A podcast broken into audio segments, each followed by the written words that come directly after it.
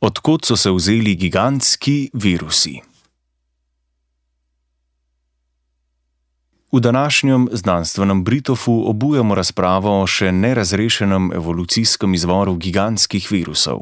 Nova študija virusnih genov in proteinov, upletenih v podvojevanje DNK, je pokazala, da ti izvirajo iz bolj kompleksnih celičnih organizmov.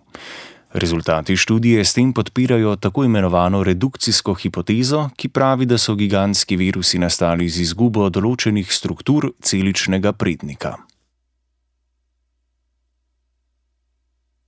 Gigantski virusi se od običajnih virusov razlikujejo po velikosti, v virusnem genomu pa imajo tudi veliko večje število genov.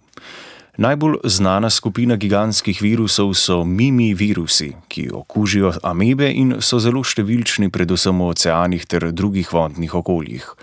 Mimi virusi so dobili ime zaradi svoje sposobnosti mimikrije, saj pod mikroskopom močno spominjajo na bakterije.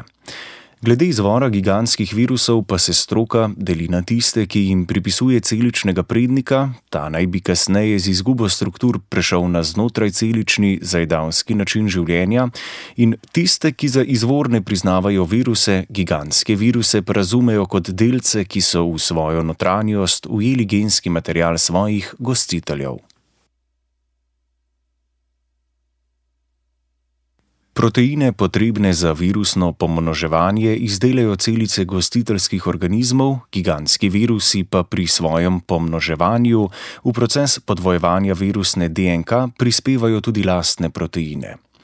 V omenjeni študiji so analizirali sorodstvene povezave med takšnimi virusnimi proteini, denimo virusno polimerazo, s podobnimi proteini drugih organizmov, kot so bakterije, arheje in ekvarionti.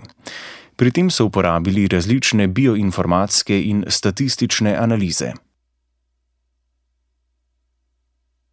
Rezultati študije podpirajo razlago, da gigantski mimi virusi izvirajo iz bolj kompleksnih celičnih prednikov.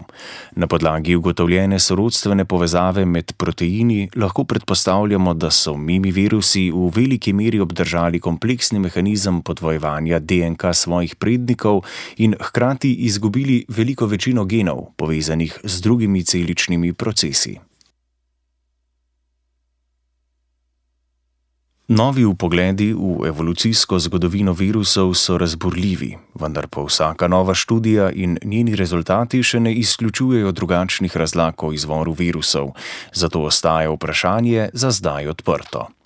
Morda nam bo odkrivanje in raziskovanje novih gigantskih virusov pomagalo pri razumevanju njihovega izvora. Z Britov je pripravila Katarina.